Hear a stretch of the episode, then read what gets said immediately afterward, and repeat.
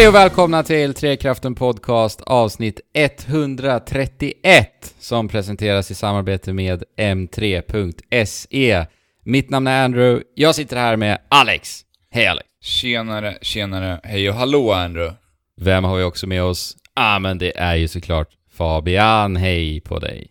Hej Andrew och hej Alex. Ska vi börja med att be lite om ursäkt? Det här avsnittet, eller vad säger vi? Ja, det får vi väl göra. Får uh, sätta oss i skämstolen. Ursäkta lyssnare. Ja. Eh, Vi släppte ju inget avsnitt förra veckan för att gästen vi hade planerat in och avsnittet runt gästen blev eh, magsjukt, dessvärre. ja, och det är aldrig kul att vara magsjuk, men vi hade inte räknat med det naturligtvis, så att vi hade ingen backup plan. Nej, precis. Och på det så strulade även tekniken första omgången när vi spelade in det avsnittet, så vi spelade alltså in det. Men Ja. sen så strulade tekniken och omgång två så hände det här. Och, så att det var, det var inte menat att vi skulle släppa det där Nej, avsnittet. precis. Uni- universum sa någonting. Ja. Universum sa, Trekraften, skit i det här. Skit i det här för den här gången. Men Alex, då undrar jag, var är gästen då? Eh, gästen är inte här idag. Nej. Gästen kommer att komma i framtiden. Vi kunde, vi kunde inte ordna det tills idag. Nej, precis. Vi får väl säga så här då, när vi pratade senast i podcasten, avsnitt 130, då pratade vi om Nintendo Labo. Och då nämnde vi att vi skulle ha med en gäst där vi får alltså då ett, eh, ett eh, far och son perspektiv på det här tokidén ifrån Nintendo och Nintendo Labo va? Jajamän. Men det kommer ju inte hända idag, utan det kommer hända Nej. längre fram. Så ni Ja, vet. någon annan gång. Ja. Helt enkelt. Sen får vi se hur mycket labbosnack det blir då. Det, det ja, blir så det, det kanske är lite svalt då. Eller Ja. jag vet inte. Kanske när det kommer ett nytt labo-paket någon gång i framtiden. Ja, det, Det det, visar kommer, sig. det kommer säkert nämnas i alla fall, så Ja. Mm. blir inget långvarigt så kanske men... Ja, det här är en spelpodcast om vi har någon ny lyssnare, så ni vet om det. Pratar om spel och, och Ja, allt vad det är. precis. Videospel, tv-spel, dataspel, allt sånt. Mobilspel. Mobilspel pratar vi också. Ja. Vi hade en lyssnare på vår Discord som eh, gärna ville ha en väderrapport i veckans podcast. Ehm, det har ju varit ganska varmt här i Sverige. Jag eh, håller på att smälta. Det känns som att vara utomlands i ett varmt land. Inte som att vara i Sverige. Är det Nintendo-väder då Fabian? Är det det? Jag frågar dig. Jag har inte koll på vad som är vad. Ja, men, Men ja, definitivt. Eftersom att Nintendo har så många bra alternativ för att spela ute. Så, ja, eller hur? Precis. ja. Så jag antar att Nintendo är det rätta vädret. Ja. För dagar så som denna. Men innan vi eh, rör oss emot vad vi har spelat, eh, ja nu är det inte den senaste veckan, nu blir det två veckor här, eh, så har ju ni varit iväg på någonting lite kul här i veckan som var. Precis.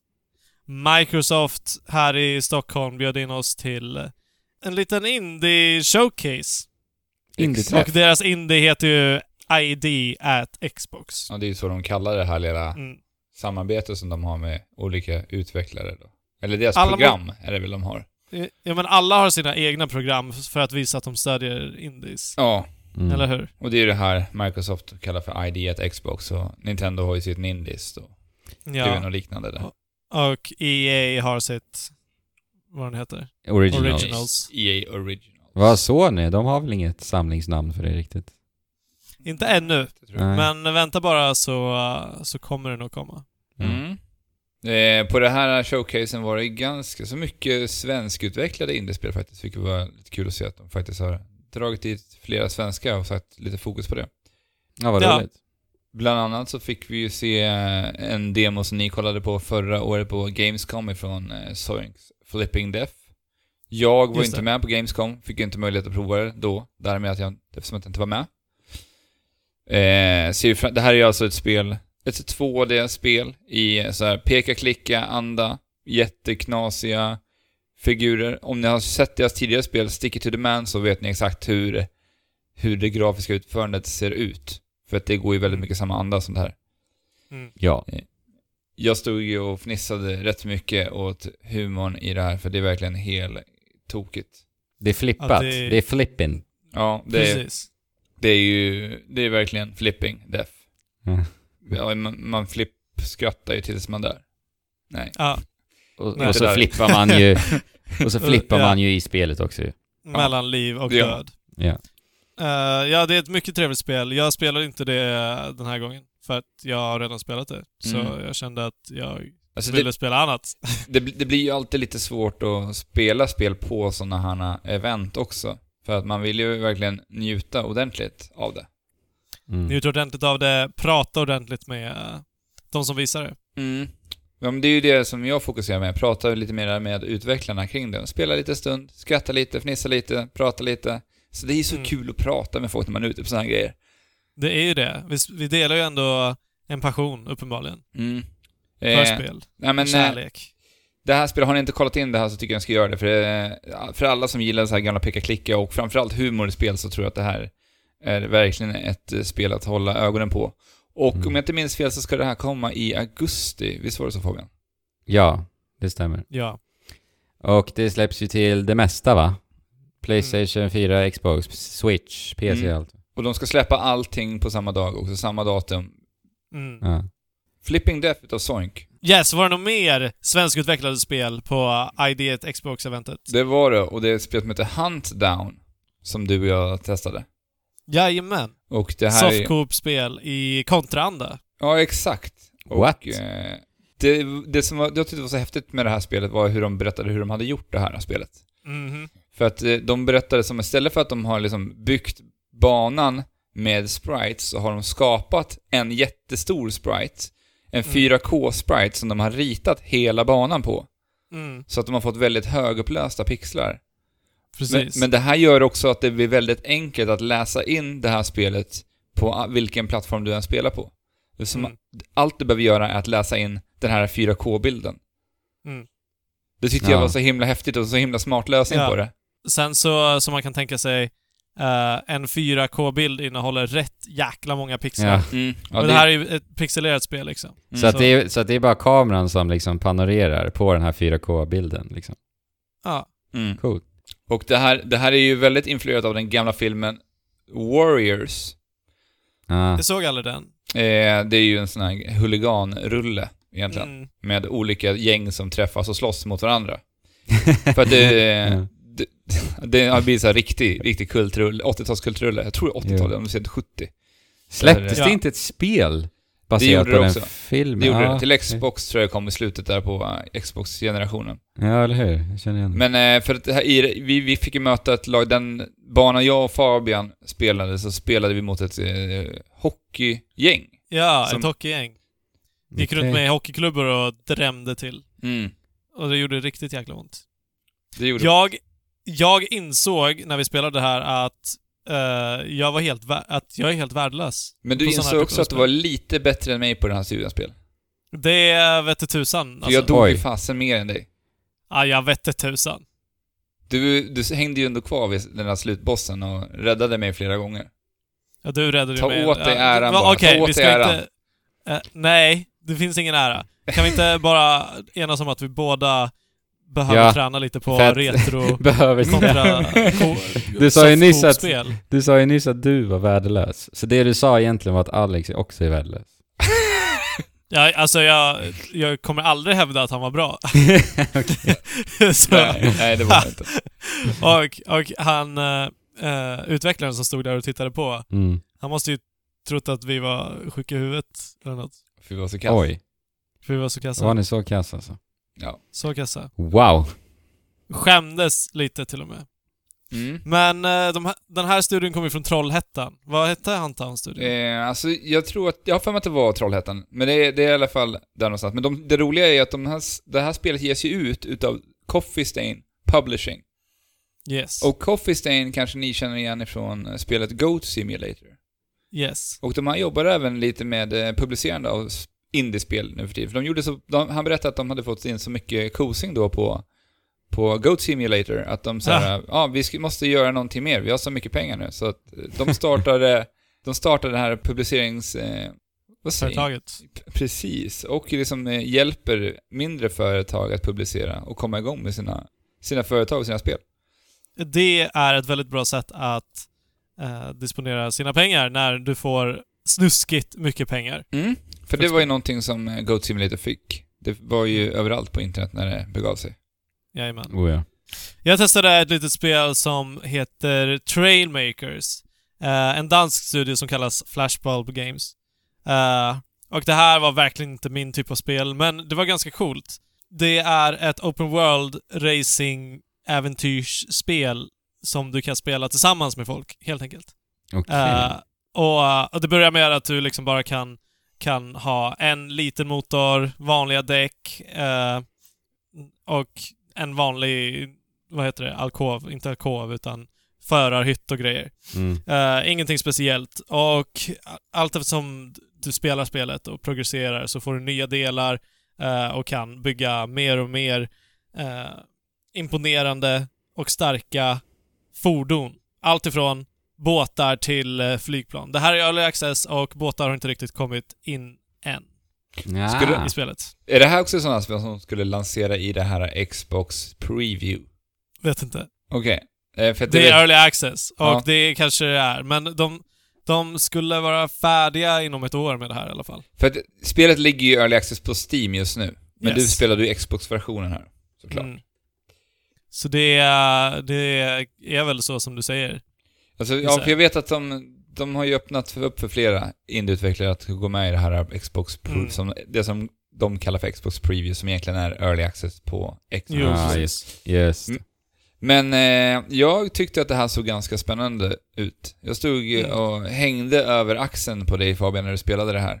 Mm. Det för ju mina tankar lite till, eh, vad heter det, Ditt Mario-spel. eh, Banjo Kazooie Nuts and Bolts.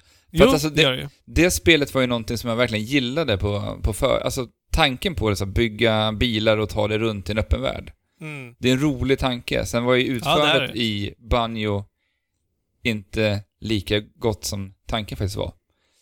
Jag spelar aldrig det, så kan inte kommentera på det. Jag försökte spela det två gånger, men jag fann Mm. mig inte njuta alls, dessvärre.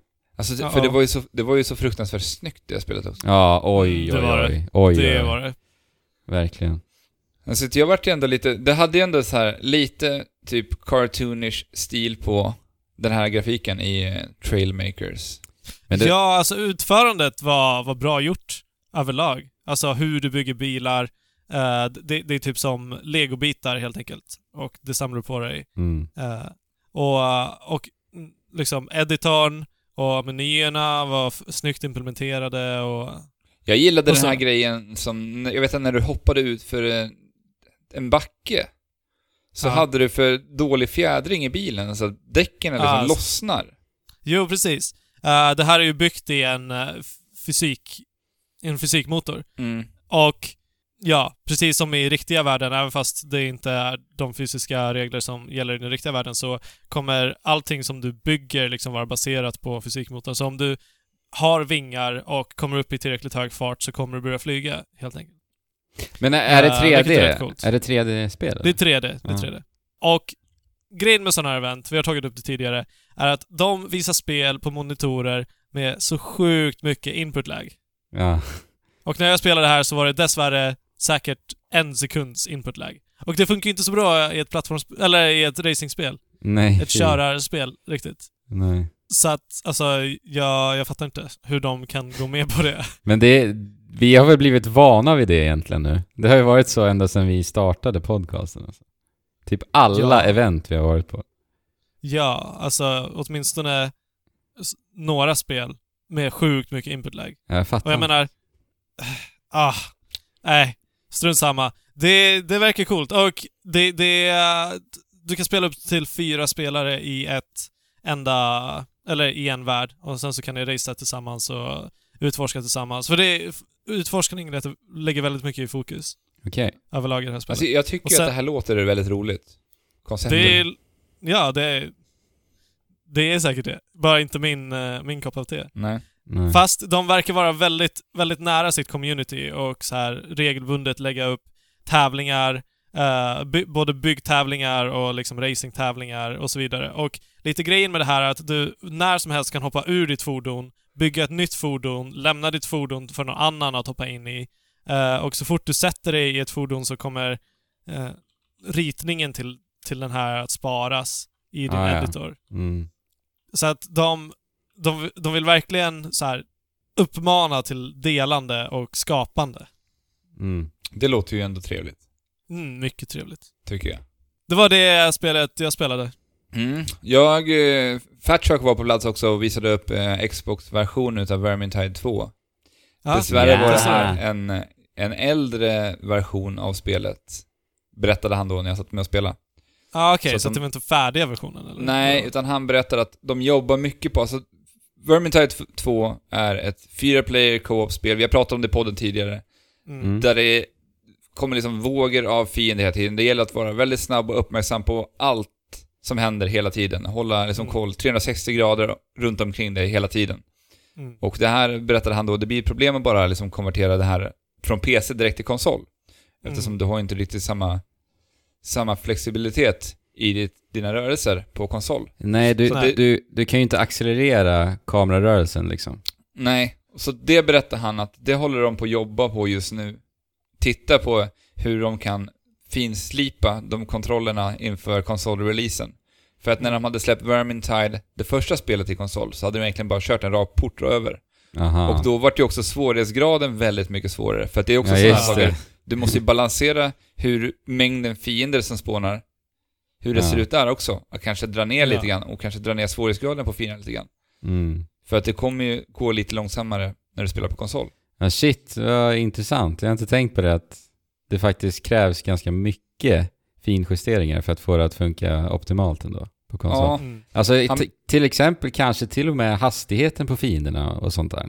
ja lite, lite sådana saker. Jag vet inte om det skulle vara kanske just precis det, men att det ändå finns sådana små justeringar man kan göra. Han berättade att han Jo. funderar på att göra en sån alltså med hjälp av ett knapptryck på en spa, kunna vända det 180 grader. Ja, Sådana som grejer för att kunna t- se det omkring lite snabbare. Ja. Mm. Eh, En, en sån finns ju i God of War faktiskt. mm. Eh, En tre- 180 graders eh, sväng. Så att det är på gång och jag pratade lite om det som vi tröck lite på när vi pratade om Vermin Thailand och det här med vad vi tycker om quick play-läget i det här spelet. Mm. Ja. Eh, frågade jag lite honom om. För att Mm. det är nämligen så att man kan spela, antingen så kan du välja att spela en karta.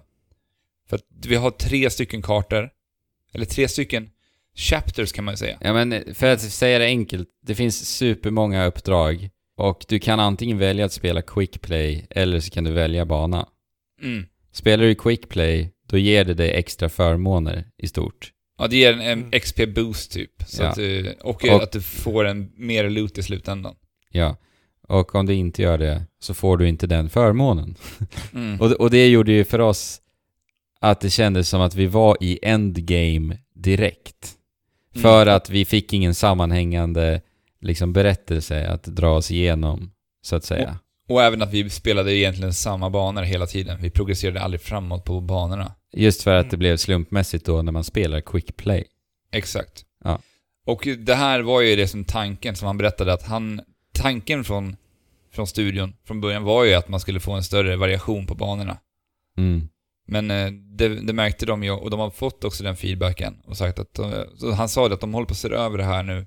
Mm. Och alla de här grejerna som, som han nämnde, som det här med kontrollen och allt det här med quick play och hur det ska funka, kommer de att försöka styra upp då mm. tills det väl ska släppas på Xbox. Ja, vad Mm, bra. okej. Låter bra. Så att eh, hela den här perioden som man har spelat på PC nu har liksom varit som en testperiod för att så här, polisha allt som ska in och vara klar till konsolversion. PC-versionen kommer ju säkert uppdateras då också. Ja, det kommer jag. Ja. Uh, något som slog mig som jag inte hade tänkt på förut är att utvecklarna Fat Shark Också svenska. är Indie-studio. Ja, det är det ju. Ja. Ja. Men det berättar Men- här, det pratar lite om det för att Fat Shark är en studio som jobbade som, de jobbade tillsammans med Grin en gång i tiden för många år sedan. Mhm. Och hjälpte dem med en hel del grejer.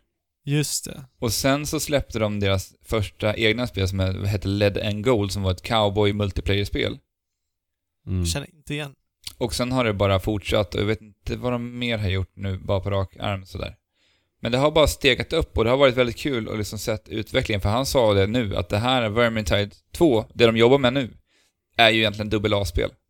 Ja. Och de har liksom gått den här långa resan från att vara den här outsourcing-studion för Grin som har hjälpt Grin med massa grejer till att bli så här pass stora. Vilket är en Mm. jäkligt imponerande resa att titta ja, tillbaka på. supercoolt. Ja, de var Eh, väl över 100 personer nu, va? 70 pers var de just nu Okej, ungefär 70. på Mm. studion. Så Ja. det ska bli oerhört kul att se vad som händer i framtiden med Fat Shark, för jag tror att det, det finns mycket, mycket krut i den studion. Mm. Ja. Jo, alltså så, så som de har fått ihop Vermintide 2. Mm. Det är, det, med, med 70 pers också. Ja, ja, det är imponerande. Ja, vi kan förvänta oss bra grejer från dem i framtiden. Vermintide 2 har ju sålt superbra, även på PC också då. Mm. Eh, och sen just att eh, konsolversionen kommer, äh, det ser ju bra ut alltså. Mm. Kul! Absolut. När du eh, inte kunde följa med på den här lilla fieldtrippen så var det ett spel som du ville att vi skulle testa. Ja, just det. Eller var det två kanske? Eh, det var nog ett jag specifikt tänkte på i alla fall. Vilket, vilket tänker du på då? Uh, Wargroove tänker jag på. Ja, precis. Mm. Wargrove är... Jag trodde, jag trodde att det hette Wargrove från första början, men nu såg jag när jag spelade att det heter, heter Wargroove. Mm. Och vad betyder det? Alltså, är det, är det groovy? Ja men eh, groovy, Ett groovy krig. Ja, precis. Uh, ah, ja. Det, det är i alla fall det här mm, Advance Wars inspire, inspirerade som, eh, som vi såg på något indie, eh, något Nintendo Indie Showcase. eller? Ja, precis. Det var nog över ett år sedan vi såg det första gången. Ja, Tror det ser jättefint ut med klara färger och eh, roliga figurer, drakar och demoner och riddare och... Och en karaktär som påminner om Groot också. Ja. Men det ser ju ut som Advanced Wars fast i en fantasy-setting lite. Det gör det. Jag vet inte, jag spelade alla Advance Wars så jag vet inte riktigt hur det funkade. Men det här spelet funkar i alla fall så att du, du är på en grid, helt enkelt, precis som i Fire Emblem eller i Final Fantasy Tactics eller eh, i Advance Wars då. Ja. Och du väljer din hjälte som du spelar med. Det finns olika sätt att spela. Eh, men i ett vanligt läge så väljer du din hjälte och med din hjälte tar du över olika byggnader som re- genererar pengar efter varje turn. Mm. Och då efter varje turn så kan du också rekrytera eller träna nya enheter som är då förstärkning för din trupp. Eller ja, du bygger din armé helt enkelt. Ja. Och det, det här var en aspekt som jag helt och hållet hade missat. För jag tänkte att det var mer var som Fire Emblem. Att du går in med dina gubbar och sen så, Mm. sen så köttar du. Men det här blir ju att det är lite mer liksom RTS-stuk över det. Jo, Även fast det, det är turordningsbaserat naturligtvis. Mm. Eh, men just samlandet av resurser, att du måste ha det i åtanke hela tiden också. Eh, Ja. Jag tycker det ser bra ut. Alltså jag spelade ju Advanced Wars, det första till Game Advance. Men det var ju liksom så otroligt många år sedan. så jag minns ju inte egentligen ah, någonting alls. För mig men så... funkar det på samma sätt? Ja, men jag minns inte ens det, helt ärligt. Nej, okej. Men eh, jag tror det. Eh, Ja. För jag minns det som, eh, som ett Fire Emblem. Men att vi fick lite mera intima strider. Nej men det får man ju i Fire Emblem också i och för sig, vad jag är. Ja. Men jag minns inte, jag ska inte säga något. Jag minns för lite. Nej. faktiskt. Ah, ja, strunt samma. Det här verkar eh, jättekul faktiskt. Ja, mm, baserat på det lilla spelat. Och varje karaktär, eh, varje hjälte har ju sina egna, eh, egna enheter. Alltså, precis som i vilket strategispel du, som helst som du kan tänka dig. Eller nej, inte vilket som helst. Men ja, du väljer en hjälte och det är i princip som att välja en ras. Eh, och så, så har vi de här sten, sax, påse momenten Ja, det är det också, alltid, alltså. alltid är närvarande. Aha. Men jag vet inte riktigt. Jag hann inte riktigt djupdyka i det här. Nej. Verkar eh, riktigt coolt.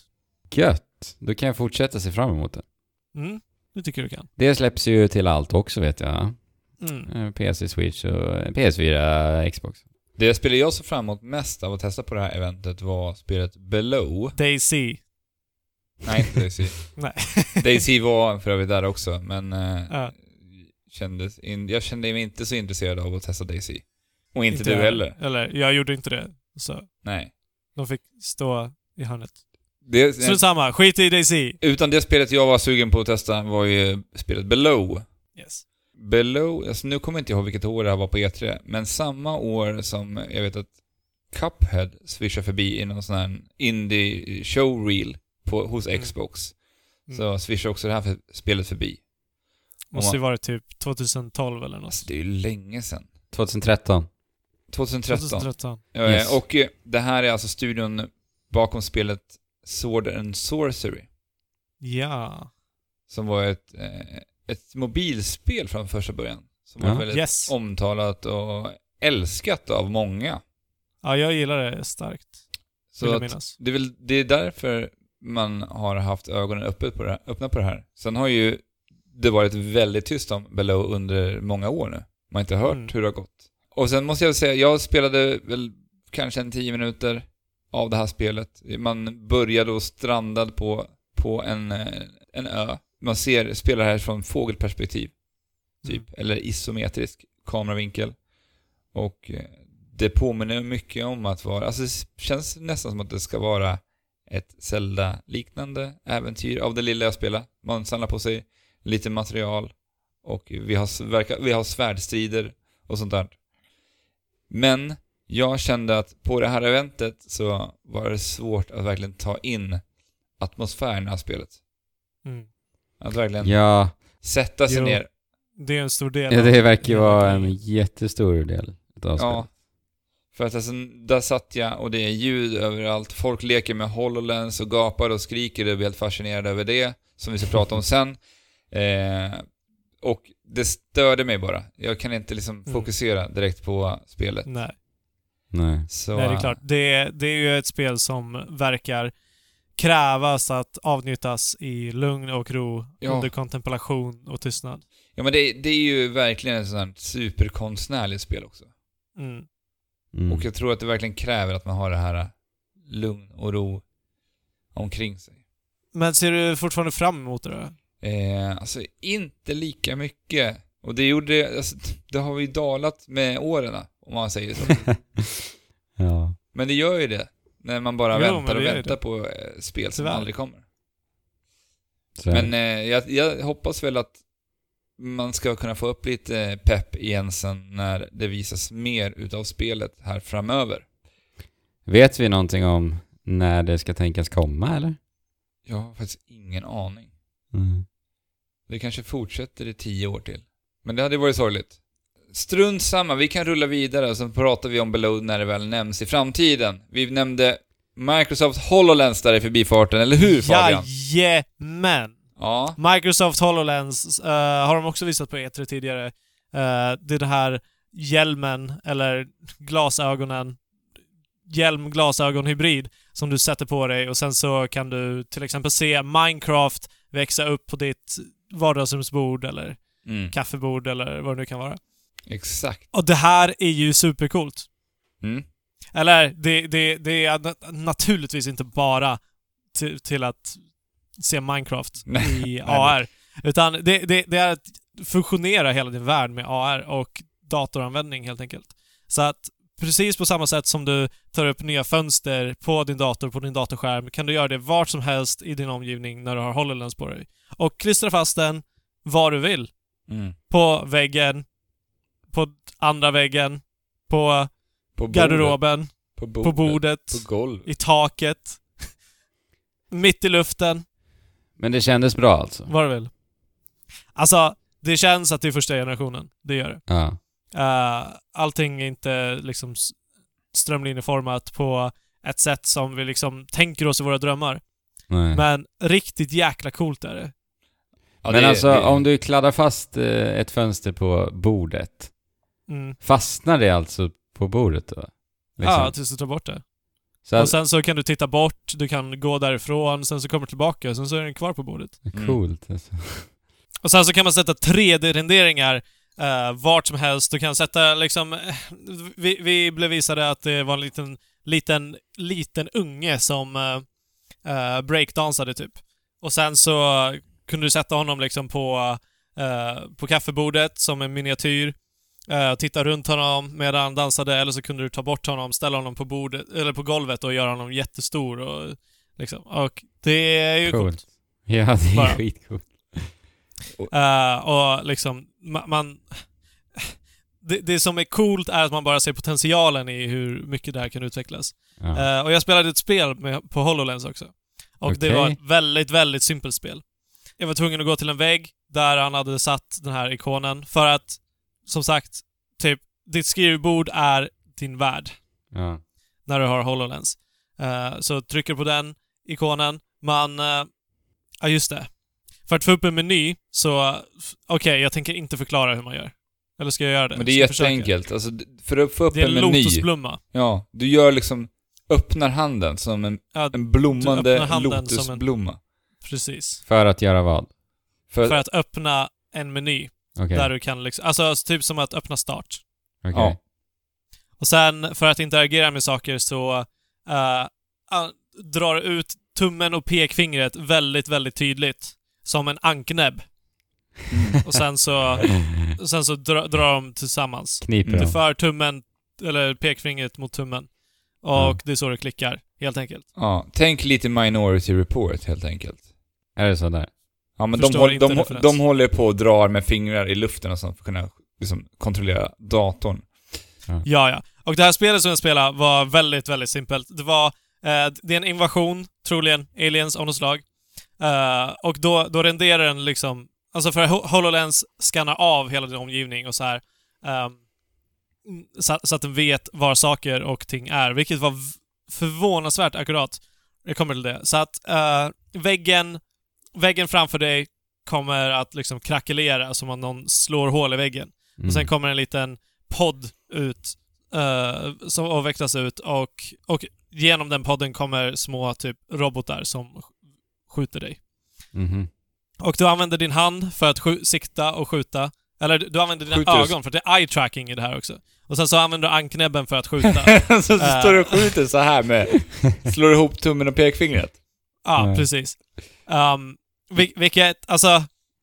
Det, det kändes inte intuitivt till en början, men eh, så fort, så fort jag liksom lärde mig ordentligt hur det skulle gå till så var det riktigt kul. Um, och det här var ju... Det känns ju som VR. Bara det Ja. att du ser din omvärld. Precis. Och till en början så stod jag bara still på samma plats, för jag tänkte typ... Jag, jag tänkte inte till ordentligt. Nej. Men eh, det visar sig att jag kan ju jag kan gå runt i hela den här lokalen eh, och liksom spela det här spelet. Och Mm. akta mig för inkommande projektiler och liksom gå närmare för att behöva... För att det inte ska vara lika svårt att träffa Mm. målen. Och ja, det var jättecoolt alltså. Det stod ju ganska nära, eller stod ju ganska stilla i början i det här spelet. Mm. Men, Precis. hur, men Så- hur var rummet du befann dig i? Tänk en korridor runt en kub, typ. Okej. Det var så jag spelade. Ja. Eh, och sen så fanns det ett skynke. Och om jag gick bakom det skynket så fattade den direkt att så här, ah, nej, det är ett skynke. Det, det var transparent, men det var fortfarande ett skynke liksom. Eh, Mm. så att där kunde jag... eh, när jag stod bakom skynket så kunde jag inte se bakom skynket i AR-världen. Vilket var ganska Att sjukt. den känner av det liksom. Den Så att om du... Men, men så fort jag tittade runt uh, skynket så var de där liksom, på Ja, väggen bakom coolt. skynket. Ja, det, är, det är ju fruktansvärt imponerande. Alltså, Ja. HoloLens, jag har ju testat den innan, så det var ju kul att se Fabian prova på det här. Alltså jag tycker Mm. att den är superhäftig och vi har inte ens nämnt att den här mackapären är ju ändå trådlös också. Och jag menar, vi är ändå vana med det här sladdhelvetet till VR-apparaterna. Ja, och jag alltså, menar, att ha den här äh, trådlös och ändå så här äh, bilduppdateringen som den ändå ger och alltså, allt den kan göra. Mm. Alltså, det, Men- det är sjukt imponerande. Men den kostar väl därefter också? Den kostar väldigt mycket. Ja. Jo, men det är inte, det är inte konsumentvänligt Nej. Nej, nej, nej, nej. på nej. något sätt. Det, det här är ju för utvecklare än så länge. Mm. Ja. Men vänta en fem, mellan fem till tio år så hoppas jag att den här tekniken har tagit fart och eh, har kommit till ett, ett läge där, där det är mer användarvänligt och Kom- lättillgängligt. Kommit Ja, in jag- i dina glasögon. Jag hoppas ju att Ja. eh, Microsoft går lite i bräschen för det här. Många andra hakar på och börjar göra AR-briller nu för att det, det finns mycket Mm. potential. Till exempel i de här, det finns inte så... Vad säger man? Field of view Ja, är ju ganska så liten på ja ganska HoloLensen begränsad. Nu och eh, han nämnde att de, de håller ju på med en, en tvåa HoloLens. Ja, Ja, men det är precis. klart. Och att den ska allting- ha ett bredare perspektiv då också. Ja. Allting kommer bara bli bättre och bättre med tiden, Mm. såklart. Sen är det också en sak jag gillar väldigt mycket med det här, för det, det som är häftigt med AR är ju att vi faktiskt befinner oss i rummet vi också befinner oss Precis. i i verkliga livet. Och de har ju tänkt till så jäkla mycket på det här med att man har ju inte hörlurar på sig, så du stänger ju inte in Nej. dig själv som Nej, du gör i en. VR-värld. För det är därför jag inte sätter igång mitt VR-headset här hemma, för jag tycker det känns... Det, det ger en märklig... Ja, alltså så stänga in sig och sen har jag hörlurar på, men vad händer i verkliga livet liksom? Jag vill... Mm. Men det är ju en annan upplevelse. Alltså VR, Ja, det då blir- ska, ja, det blir helt det. annat. då ska Men- du ju verkligen försvinna iväg till en helt annan plats. Liksom. Ja, men jag, jag, jag blir ju lite så här obekväm av den känslan. Alltså att spela längre sessioner. Jag kan hoppa in och spela små upplevelser så. Kan jag tycka är lite spännande. Mm. Idag Men- i alla fall, ja. Ja. Men just Jo, att men- de har de här högtalarna som ligger precis, eller det här hand, headbandet som sitter runt hållen som har ju högtalare som ger Mm. ett väldigt bra ljud också. Mm. Men är det typ Google... Ja, och 360 Google- ljud också. Vad sa du Fabian?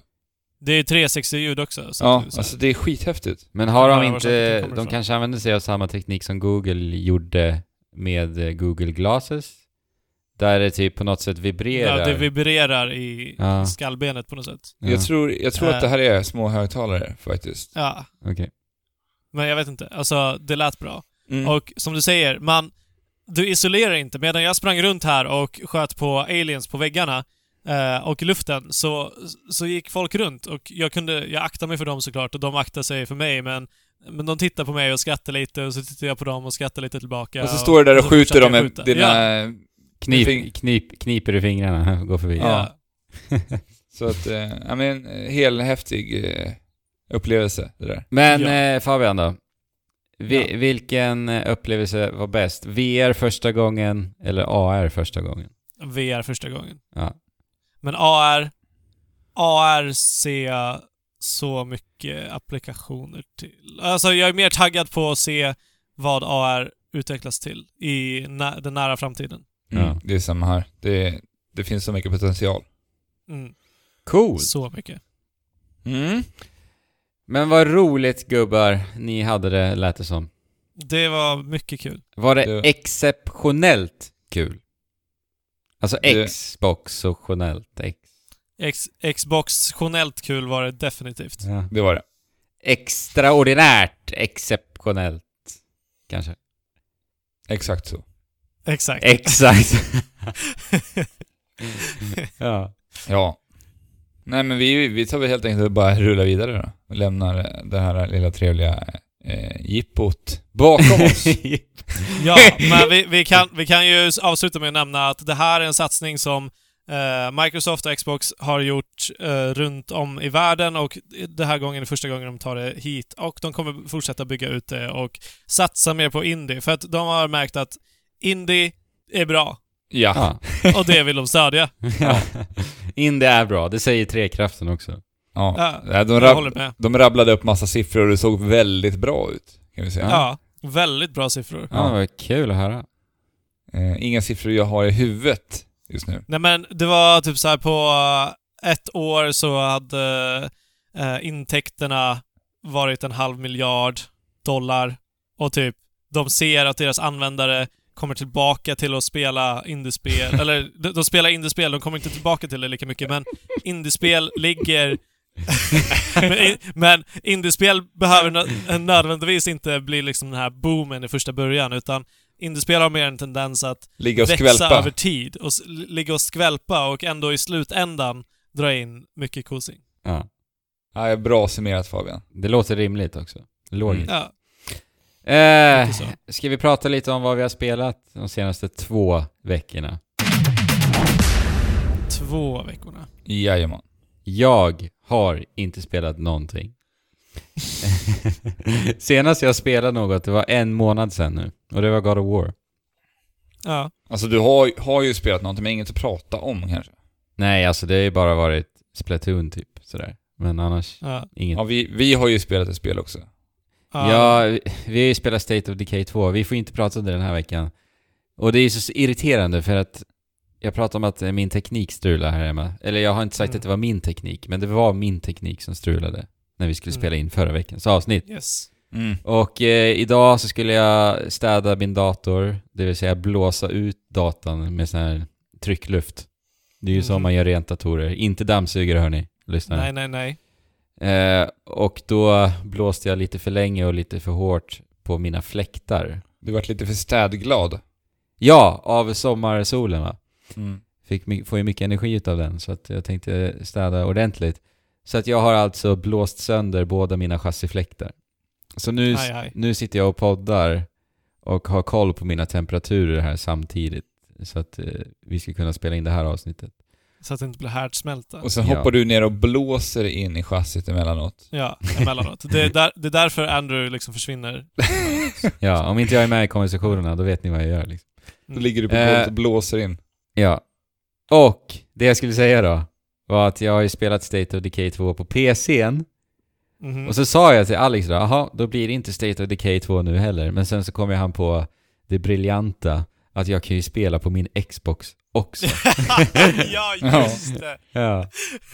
Ja. Brilliant! Så att eh, jag eh, laddar hem det nu faktiskt till Xbox. Räddad av Xbox Play Anywhere.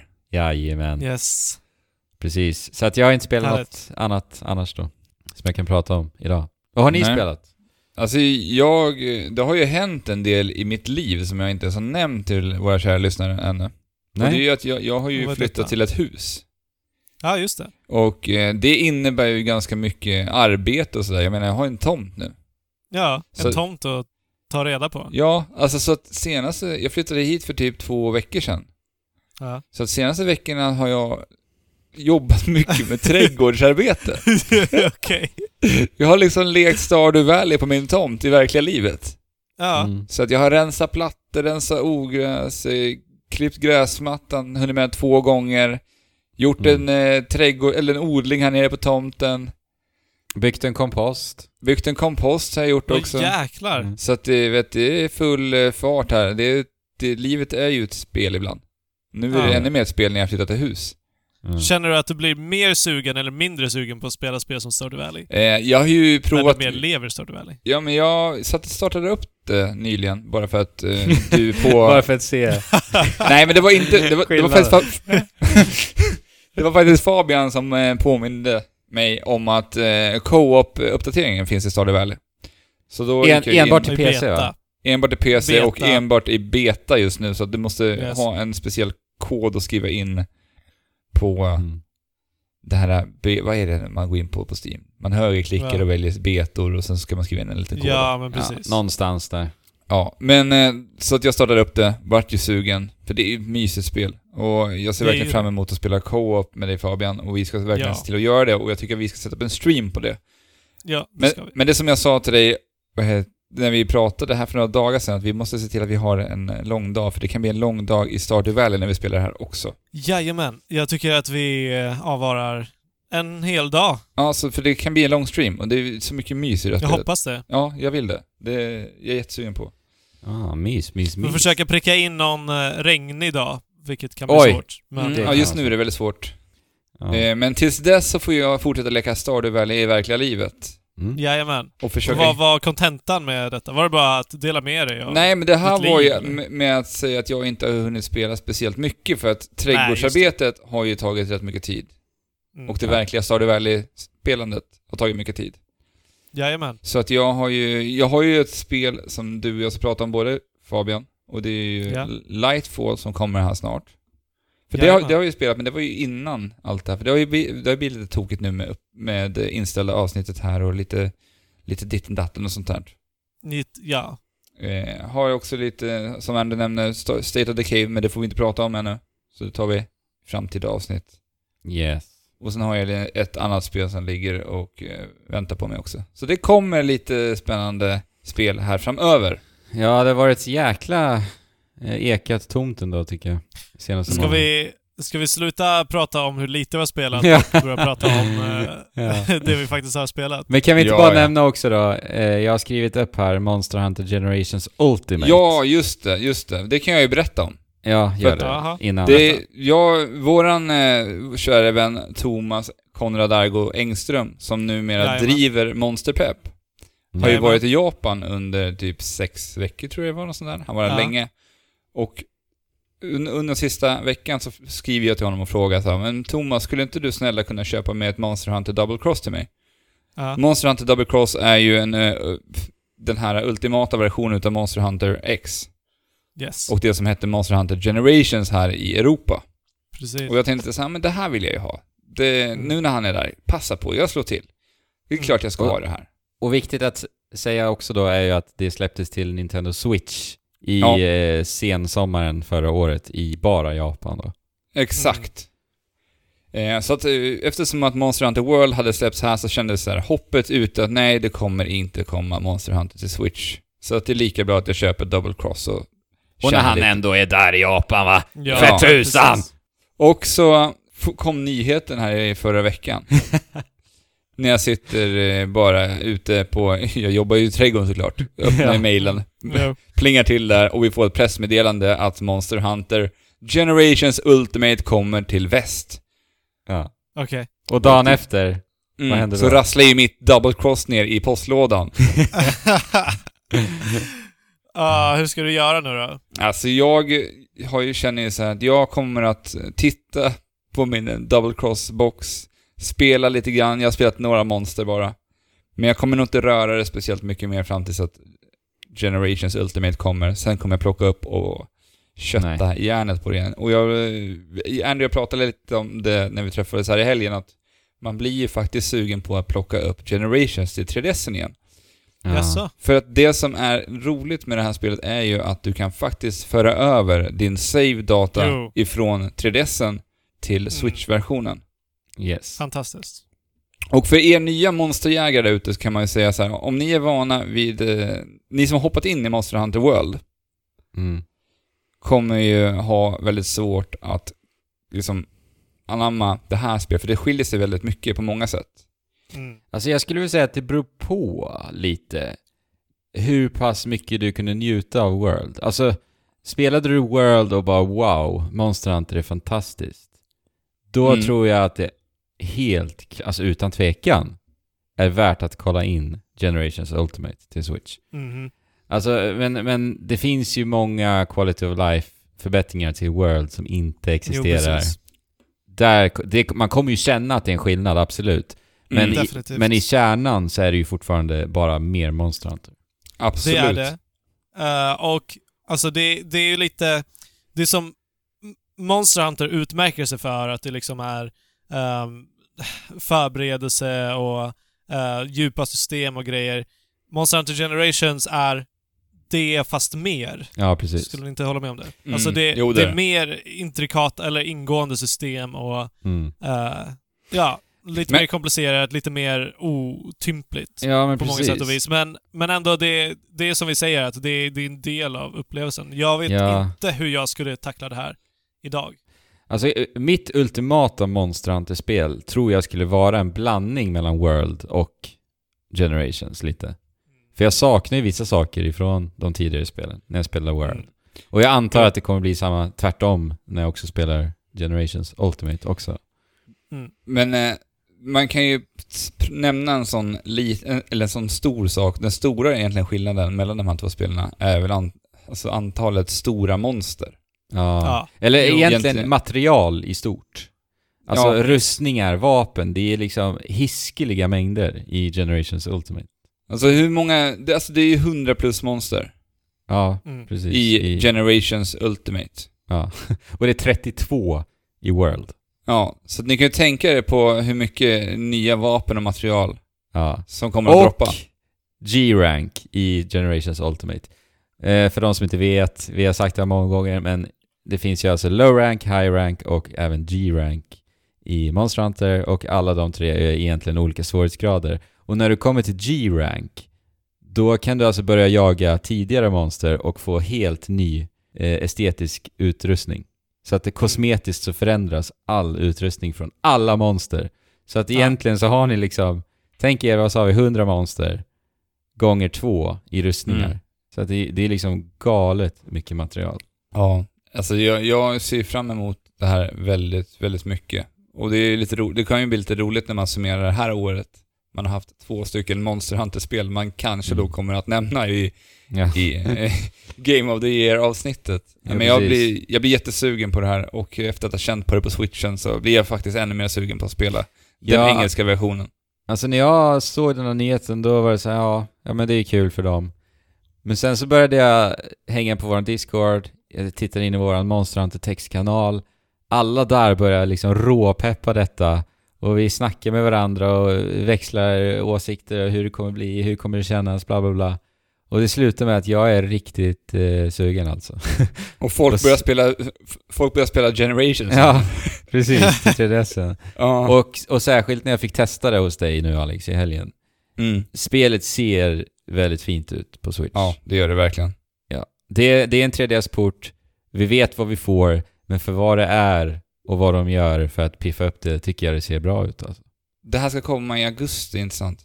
Ja, precis. 18 augusti tror jag det var. Och eh, som sagt, Monster Hunter på Switch. Herregud. Det är en perfekt födelsedagspresent till dig, Andrew. Du fyller dagen efter. Ja, just det. Då är önskar jag mig detta spel. Ja. Eh, Gött! Ja. ja, det är gött. För de som inte vet, du Ja. nämnde Monsterpepp Alex. Jag kan väl bara förtydliga. Jag tror att det har gått fram, men det är alltså en podd som vi har, till, eller som vi har, en systerpodcast helt enkelt Mm. till oss. Där de pratar om allt Monster Hunter. Och bara Monster Hunter. Jajamän.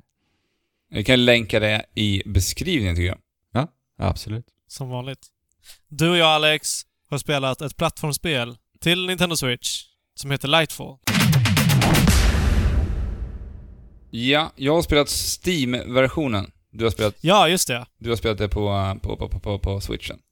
Yes. Bärbart. Jag skulle, jag, skulle, Härligt. jag skulle säga att det typ är en lite av en eh, pass, pusselplattformare någonstans.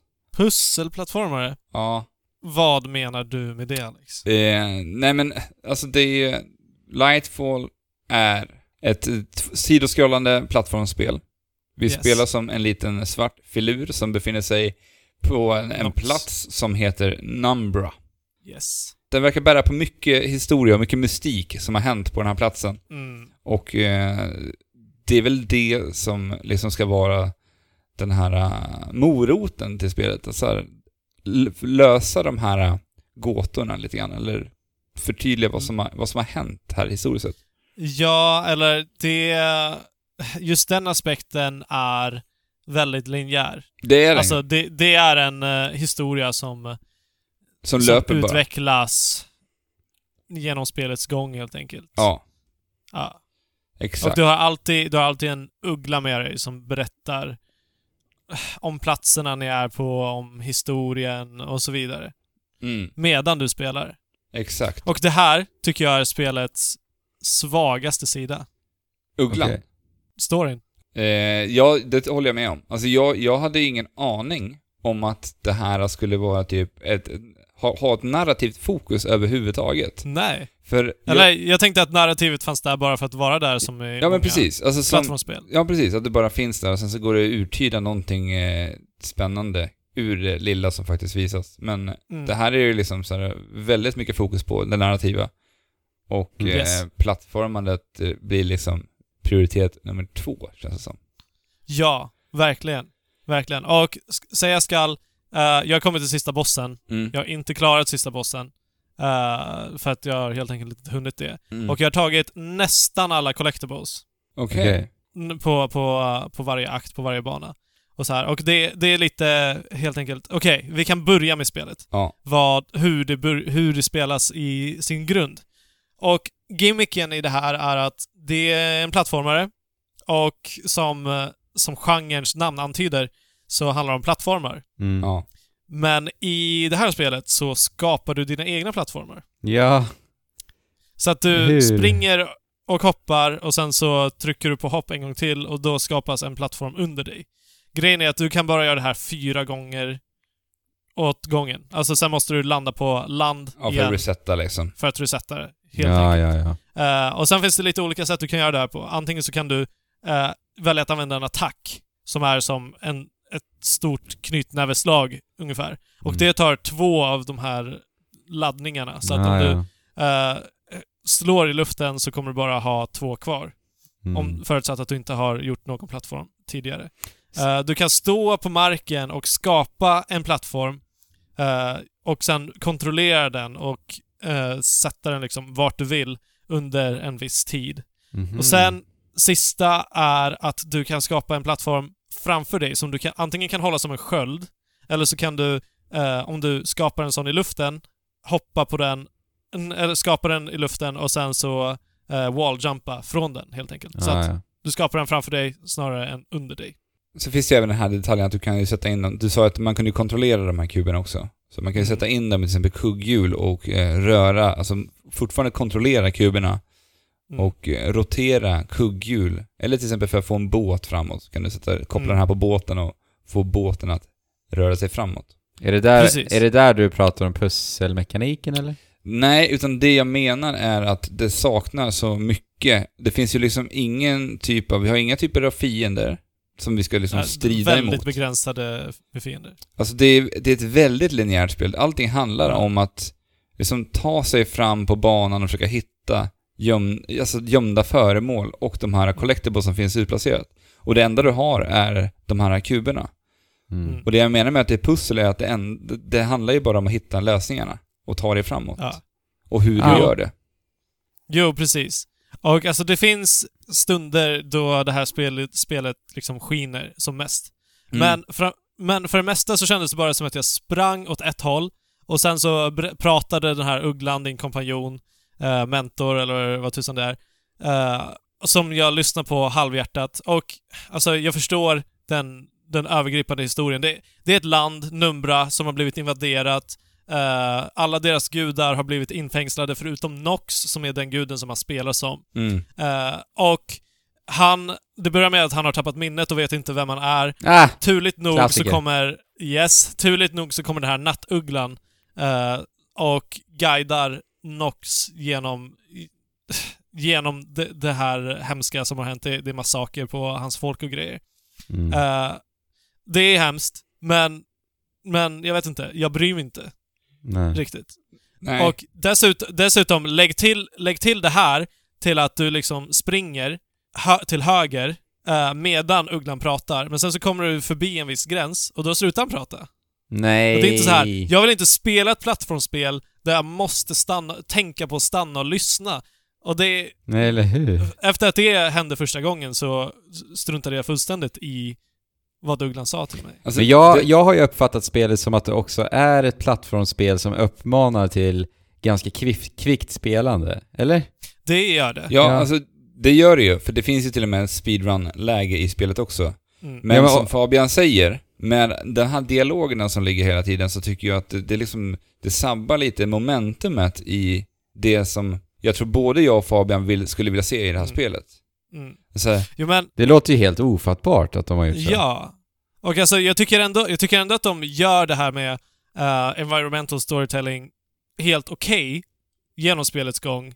Men när rösten ligger på, det är liksom, det, det tappar lite sitt värde och de, de hade mycket hellre bara kunnat fokusera på bättre storytelling och hitta sätt som får eh, spelaren att stanna upp och titta på Ah. omgivningarna. Kanske att det liksom eh, är animationer och liksom lite som filmer som Mm. eh, spelas upp i bakgrunden och ja, och sen... liksom att det blir för egen tolkning. Men nu kommer allting i ditt face och det är en väldigt, väldigt generisk och tråkig historia som vi får följa. Mm. jag, jag tänker ju Det- lite på hur... Förutsägbar. Jag tänker lite på hur Ori and the Blind Forest gjorde med sin storytelling i det spelet. För att, alltså rent grafiskt sett så kopplar jag det här spelet, Lightfall, väldigt mycket till Ori and the Blind Forest. Absolut. Och eh, därför så drar jag den, eh, den parallellen då. Men hur de berätt, jobbar med storytelling. För de kör ju så här skriptade scener. Den här Ja. introscenen i Ori and the Blind Forest, jag startade upp det ganska nyligen bara för att kolla på den igen. Ja. Vilket Ja. jag tycker är så Magisk. fruktansvärt snyggt. Magiskt, verkligen. Mm. För att där har de ju liksom gjort så att när du kommer till en punkt så spelas det upp en scen. Där de liksom låter dig andas och ta det lugnt och bara njuta av vad som faktiskt händer och vad spelet vill säga till dig. Mm. Ja. Men i det här, när man ska röra sig framåt ständigt och du, du måste, som du säger, hoppa på plattformar samtidigt som du ska lyssna Mm. på en uggla som pratar med dig. Som kanske har något svinintressant att säga. Det vet jag Kanske. inte. För att jag, jag är så här, jag kan inte hålla fokuset på när de pratar med mig samtidigt som jag spelar. Nej. Mm. Det, det går inte. Nej. Eller, Och sen det Or- Ori gör bra också är att de, de gör så pass liksom utstickande bakgrunder eller konst överlag så, som gör att du ibland stannar och så här, vad är det där? Ja, miljöskiftet i det spelet är ju fantastiskt alltså. Vi får se så mycket, olika, så mycket variation i miljöer. Mm, Ja men för att inte tala om mästerliga Celeste för tusan. mm. Som, som liksom väver samman både spelmekanik och berättande, alltså makalöst bra. Mm. Och så har vi så jäkla medryckande fängslade karaktärer som är så älskvärda och allt va. Ja. Nej, och efter, efter, att, efter att ni pratade om Celeste och sen så har Alex snackat med Andrew om att spela uh, Meat Boy. Är det nog mer 2D-plattformare? The End is är nigh. Men det har väl ingen av oss spelat? Nej, men Nej. precis. Nej, men som vi har pratat om tidigare. Jag, jag kände i alla fall att jag var sugen på att spela en bra plattformare. Mm. Donkey Eh, Kong var ju det senaste. Jo, men det Ja, Donkey nej Kong är Donkey. Kong. Jag förstår. Ja, så ja. Eh, och tyvärr så, så blev jag väldigt, väldigt besviken av, att, Ja. av det här spelet. Alltså, det, det som fick mig att bli intresserad av Lightfall är ju just det, det grafiska utförandet, för jag tycker att Det det, är, det är jättebra. väldigt snyggt. Alltså jag Ja. gillar ju stilen de har. Det är så här. vi har färggrann bakgrund. Det går alltid ett färgtema beroende på vilken Mm. bana du är på. Så det kan vara Jo. liksom det här gråa, mörka, eller blåa, mörka skogen. Och sen har du Mm. liksom, det som ligger i fronten är svart. Allting är svart. Är det alltid svart i fronten eller?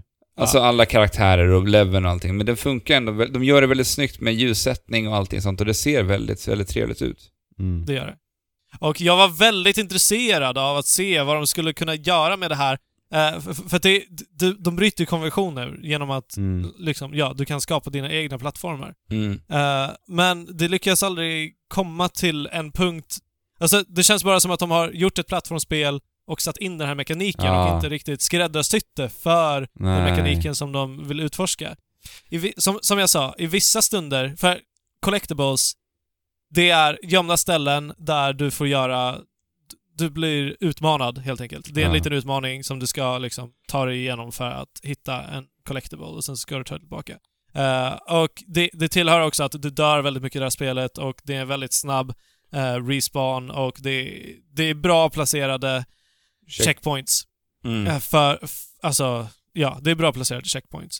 Men det är ju där det också blir det Så- här, de här collectibles, gömda collectibles du nämner. Det är där det också blir det här som jag menar, det här lite pusselplattformarna liksom. Mm, Ta reda Jo, på hur absolut. du ska ta dig fram till den här collectiblen.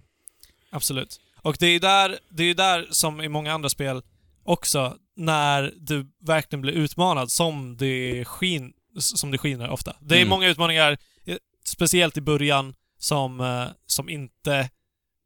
Som bara, bara känns triviala liksom. Mm. Eh, och sen så, allt eftersom att du progresserar så blir det lite svårare, lite svårare. Men till slut så är det riktigt jäkla svårt. Det är det alltså? Ja.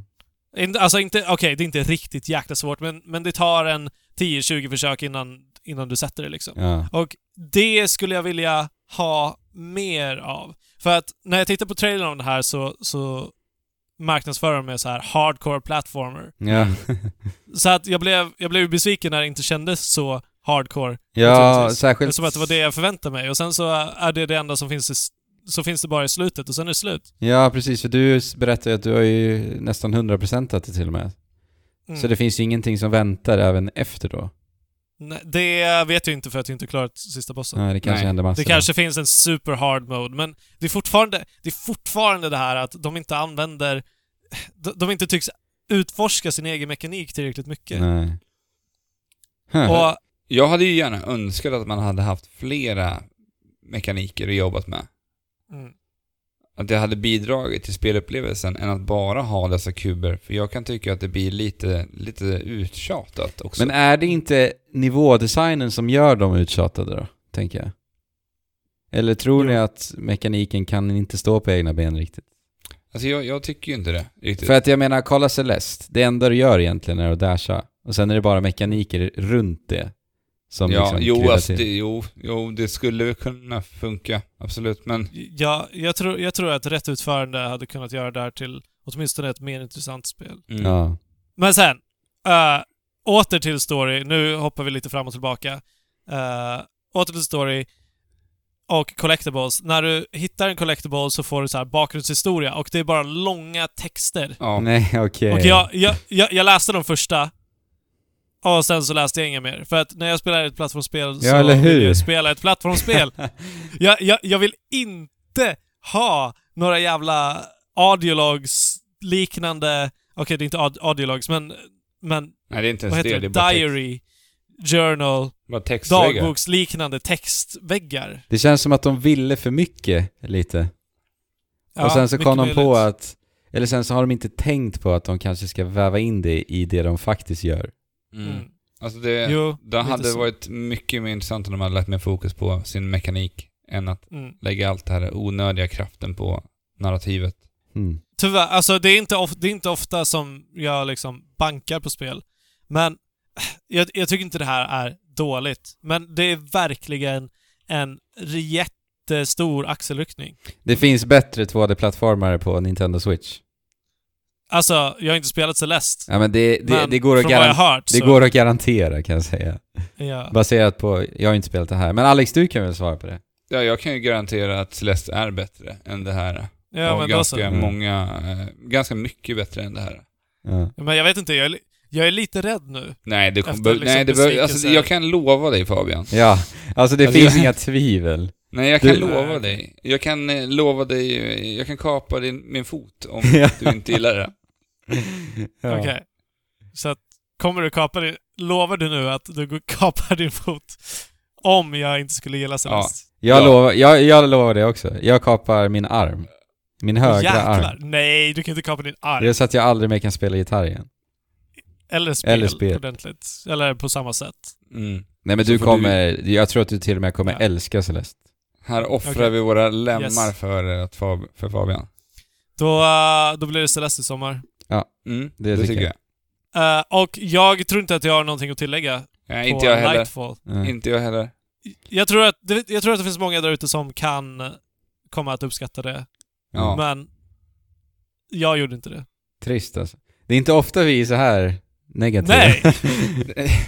Faktiskt. Nej men det, ja, det är bara... Men det är klart vi ska vara det. det bara är vad det är. Ja, exakt. Precis.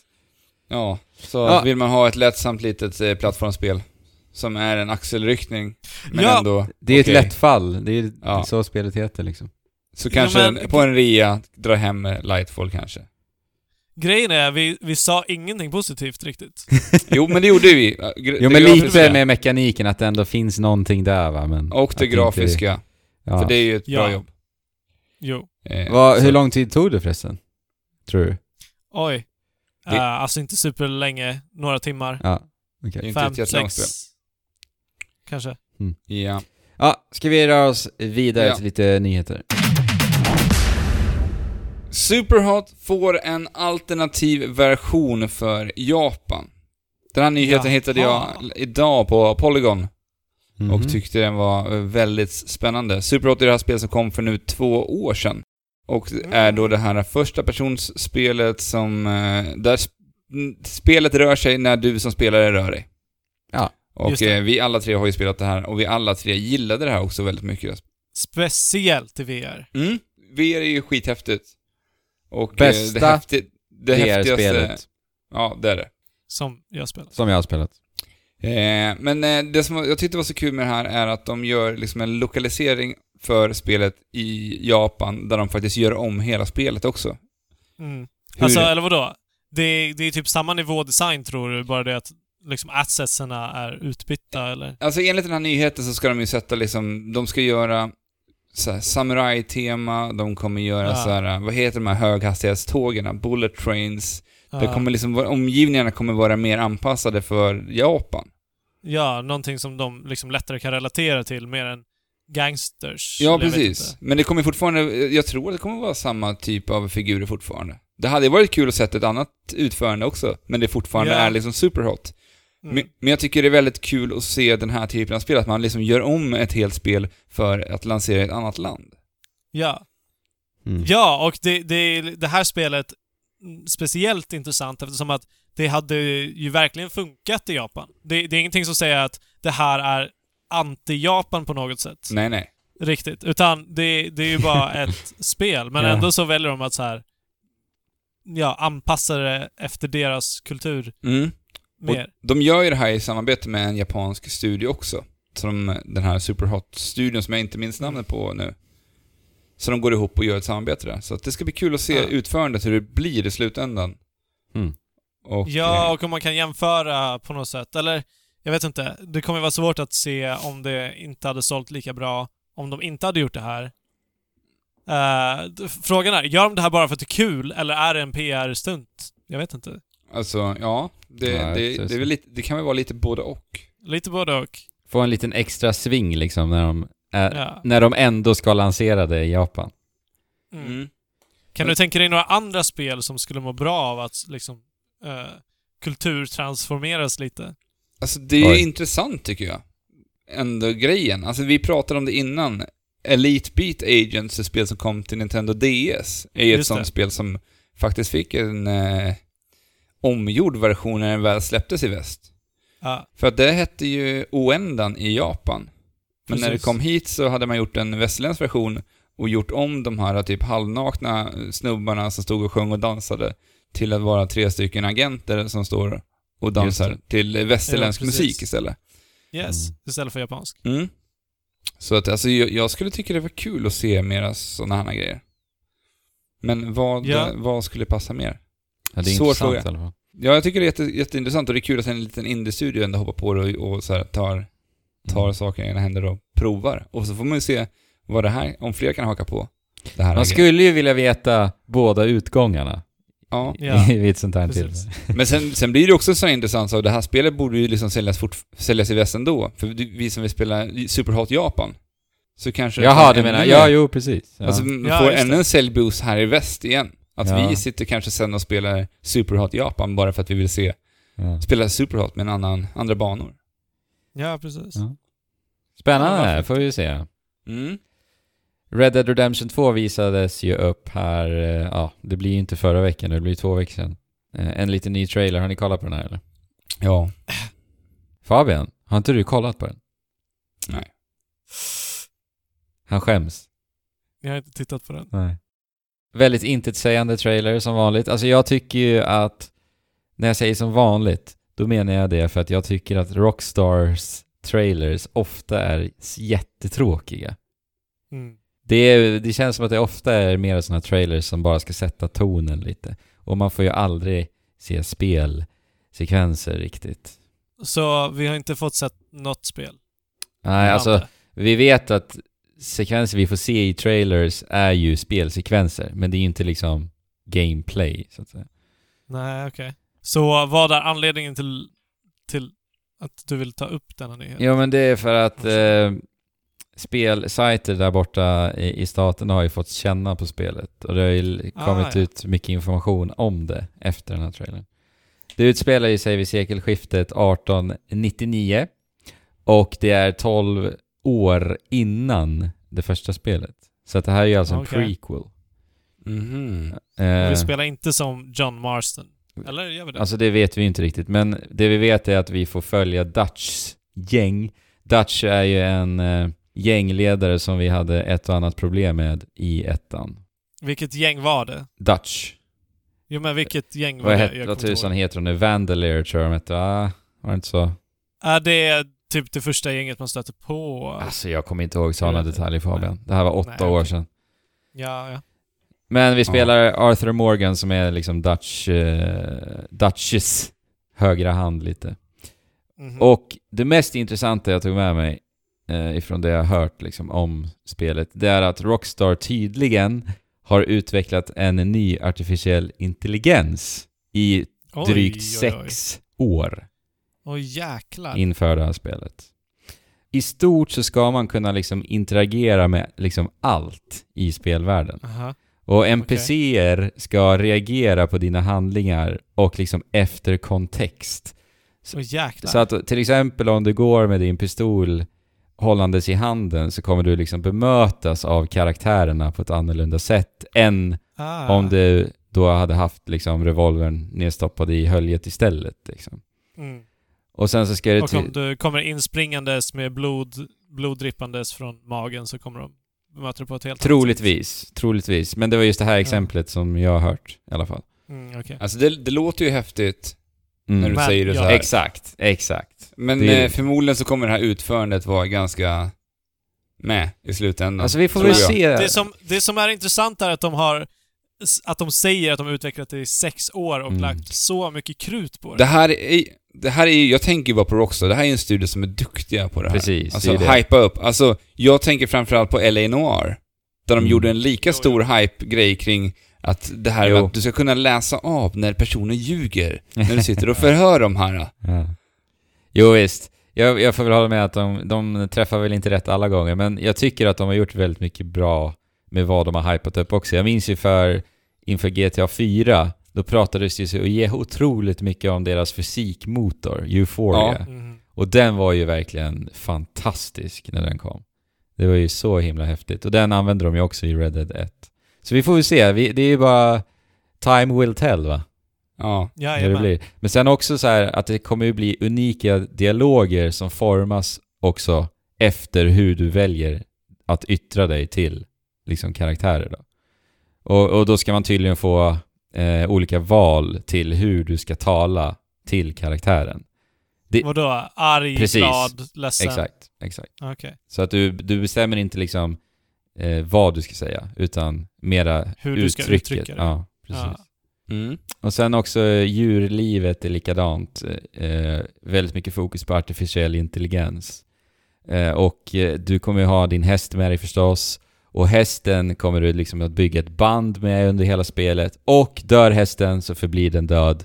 Du kan liksom rädda hästen när den potentiellt då rå- råkar illa ut i en liksom eh, skjutstrid eller vad, vad vet jag. Men, kom, men kommer det vara mera fokus på det här eh, bandet mellan dig och hästen? Det verkar För så. Jag, det, det verkar för så. att jag minns i första spelet, då kunde jag liksom springa ut och sen bara oh, här var ett berg, hoppar av hästen, hästen Ja. ramlar för berget och dör.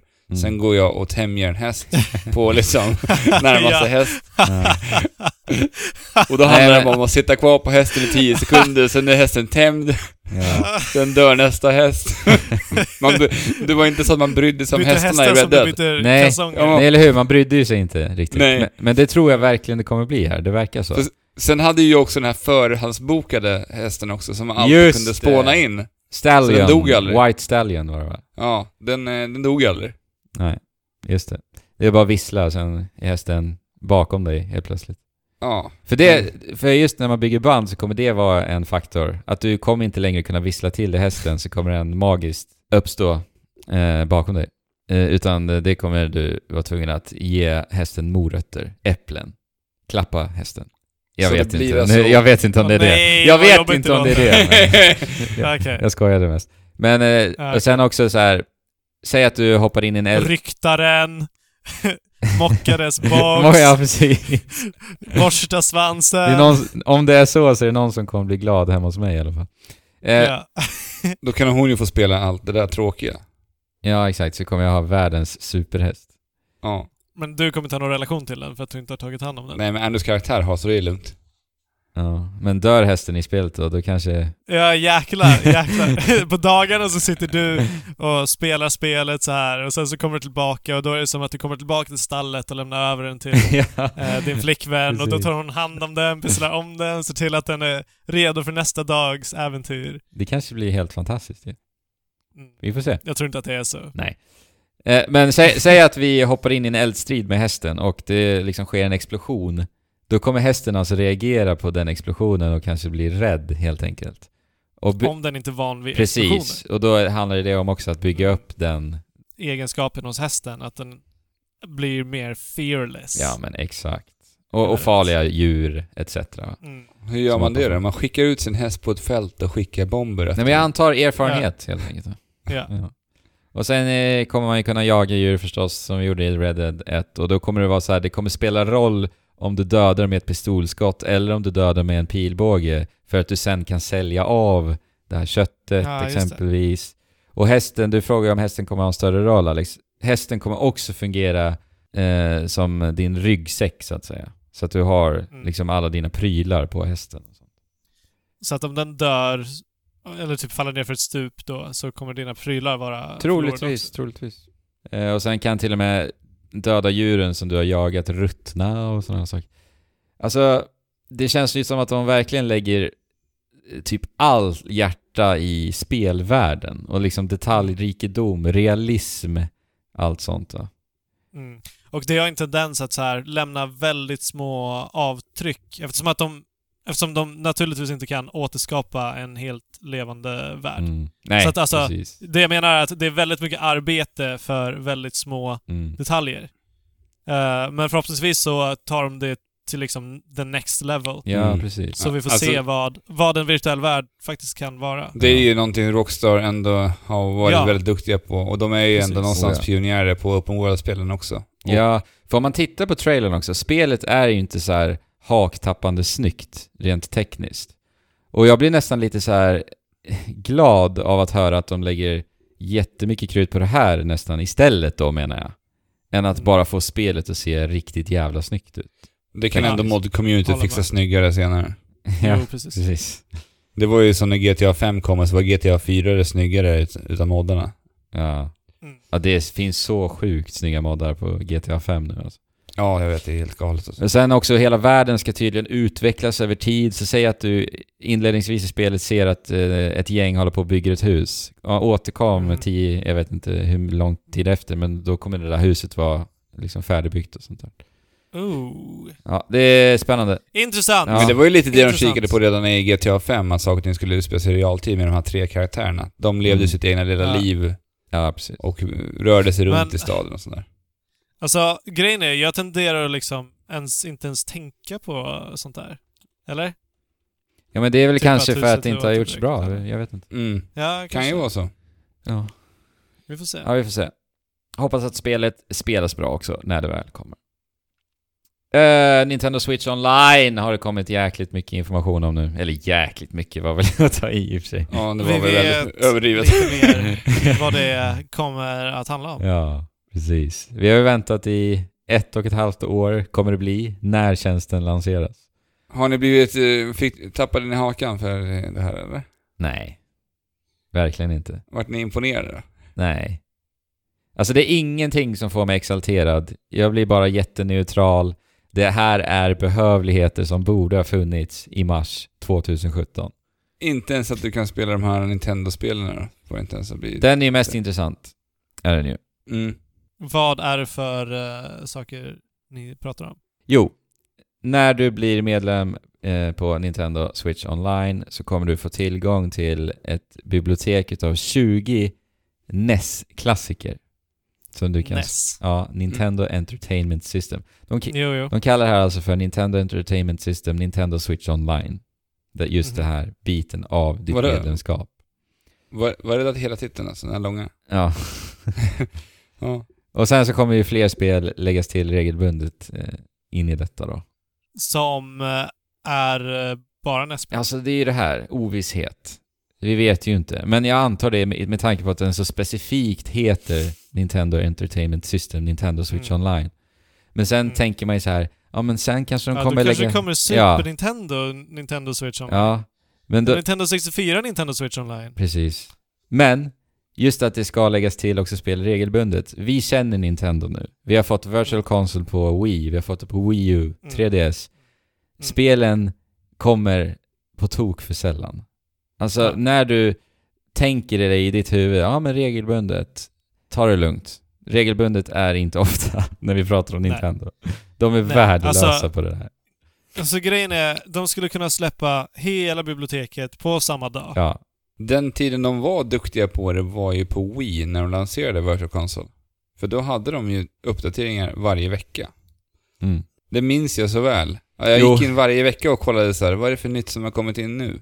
Jo men absolut. Men samtidigt, varför tog det år för att eh, Link to the Past skulle släppas liksom? Ja. Eh, och sen kommer det vara stöd för online play, kallar de det. eh, på alla de här NES-titlarna då.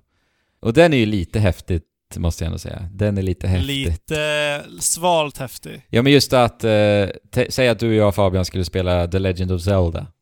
Då kan vi Ja. vara liksom i samma session, och sen så kan, säga att du dör på, på Ganon. Då Ja. kan du passa kontrollen till mig, och så Jo. provar jag Ja, igen. okej, så man kan ändå Ja, spela spel som inte är häftigt. optimerade för två spelare? Vad sa du nu Alex? man kan ändå spela spel som inte är tvåspelarspel. Ja. Men det är Det är så här, ju- jag kommer ju inte göra det här troligtvis. Kanske, Nej. kanske i någon stream kan vara kul, tänker jag. Men, ja, eller kanske, ja. Alltså, någon gång ja. i livet. Och, och NES-spel. Alltså, blir ni Ja. sugna på att spela NES? Nej, alltså jag har spelat, jag, jag känner att jag har spelat på tok för mycket NES-spel och jag är ganska trött på det Ja, jag tror att, i mina dagar. jag tror att de flesta kan hålla med där faktiskt. I hela världen. Ja. Förutom Ja, jag- Nintendo. ja. Men sen har de ju också eh, efter detta bekräftat att Virtual Console, som vi vet det, är nu dött och begravet. Yes. Eh, så att det kommer inte återkomma, utan de berättar då istället att de kan tänkas släppa retrotitlar under andra namn om man säger så. Alltså Mm. helt enkelt släppa, Under andra former. ja, helt enkelt släppa till exempel Link to the Past, bara puff på e-shoppen. De har väl gjort det med typ något Mario-spel som heter någonting annat på Ja men det är arkadspel ju. Ja, men det är Eh, fortfarande Nintendo. Ja, och sen är det ju Neo Geo finns ju också Ja. på switchen nu redan. Ja men... ah, vad jag skulle vilja se är liksom... Du kan köpa Nintendo Switch online. Sen så kan du lägga till 10 kronor så får du NES-biblioteket. Så Precis. kan du lägga till 20 kronor så får du hela SNES-biblioteket. Mm. Så kan du lägga till 40 kronor, jag vet inte. Du vill ha en så kan du få prenumerationstjänst. hela Nintendo. Men jag håller Ja verkligen men med det, där. kän, det, känns, det känns mest relevant idag. Ja, Ja, det det håller jag med om. så. För jag gillar Alla ju... kör ju på prenumerationsvarianter nu. Alltså, inom Ja. många olika branscher kör man prenumerations... Jo men och vi ska ändå betala för deras online-tjänster. Så om, om, om det är liksom som en plusmeny, Ja. Mm. det hade varit jättebra. Men då kan man säga så här, ja men det kanske blir så. Ja, kanske. Nej, Men det här är Nintendo vi pratar om. men Troligtvis. det kommer inte Det bli kommer så. Nej, inte jag, bli jag, så. jag tror inte det heller. Jag, jag är Nej. nästan övertygad om det. Inte ens i närheten Nej. Nej, det. det kommer inte bli Alltså så. som det är idag, förvänta er absolut ingenting annat än vad de har sagt här. Nej. Så säger jag bara. Det kanske blir de här återlanseringarna av gamla titlar med online play då. Så du ska locka in oss och men köpa sen- till. Minikonsolerna. De ska ju börja sälja Ja, NES minikonsoler nu igen ju. Här i juni. Ja. Och sen eh, skulle det inte förvåna mig om vi får se en eh, Nintendo 64 här snart. Nej. Så att, ugh. Nej, de går andra kommersiella vägar. Jag avskyr ju Det är faktiskt. bara det att spelare på Switch... Ja! Ugh! Alltså det är verkligen den perfekta plattformen för retrospelande.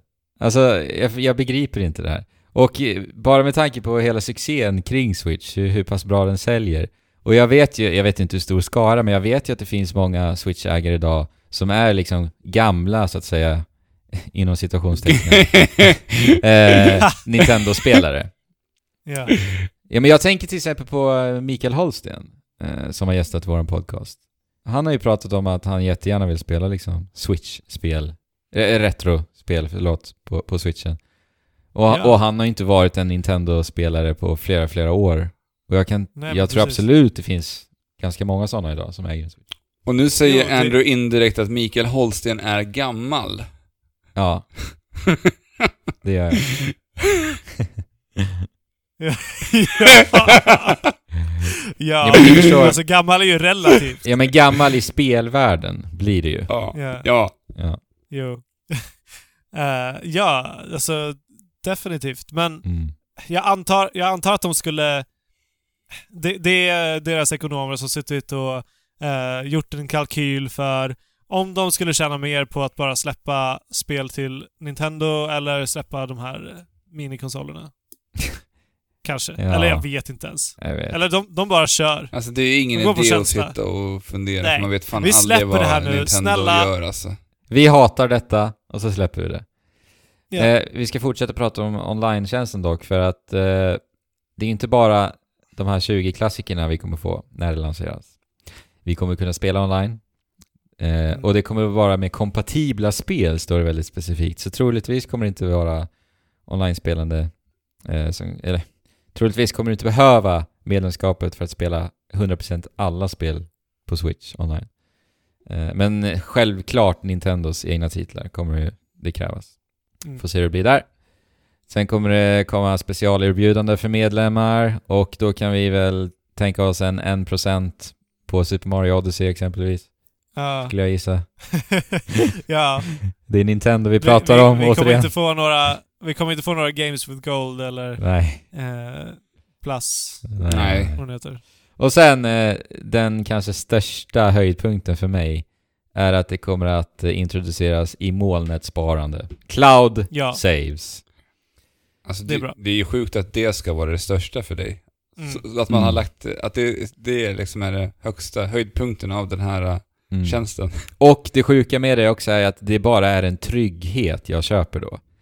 Mm. Alltså den gör ju ingenting för mig. Utan det är bara det att jag känner mig säker då att min, mina 370 timmar i Splatoon är, är bevarade där uppe i molnet. Mm. Liksom. Jo, precis. Inte länge kommer du vakna sent om nätterna och drömma. Nej. Mardrömmar om hur switchen...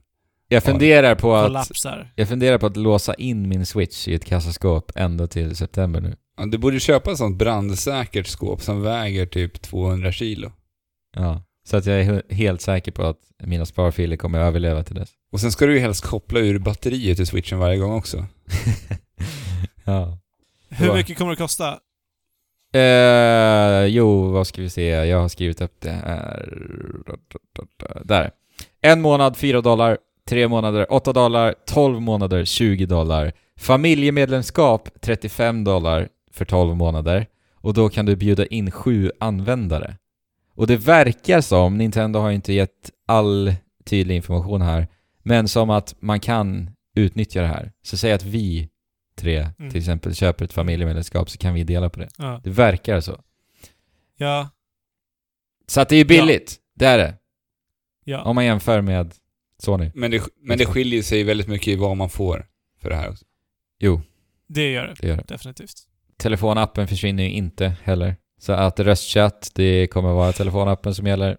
Har, har någon av er använt det Inte, efter att vi testade det? inte en enda gång. Det är bara skit. Alltså det, det är den sämsta... Det Det... ja, kanske är den sämsta telefonappen jag någonsin har navigerat i. skräp. Ja. Skräp. Och ja, man hör ingenting om att man kommer kunna bjuda in vänner sömlöst på konsolen heller. Och det kanske är min mest åtråvärda funktion jag vill ha på switchen. Mm. Mm. Alltså får jag det, då är jag liksom nöjd i stort. Alltså för att jag, så mycket vill jag ha det på, på switch. Mm.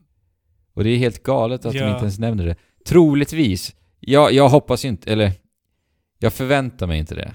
För att det här är Nintendo.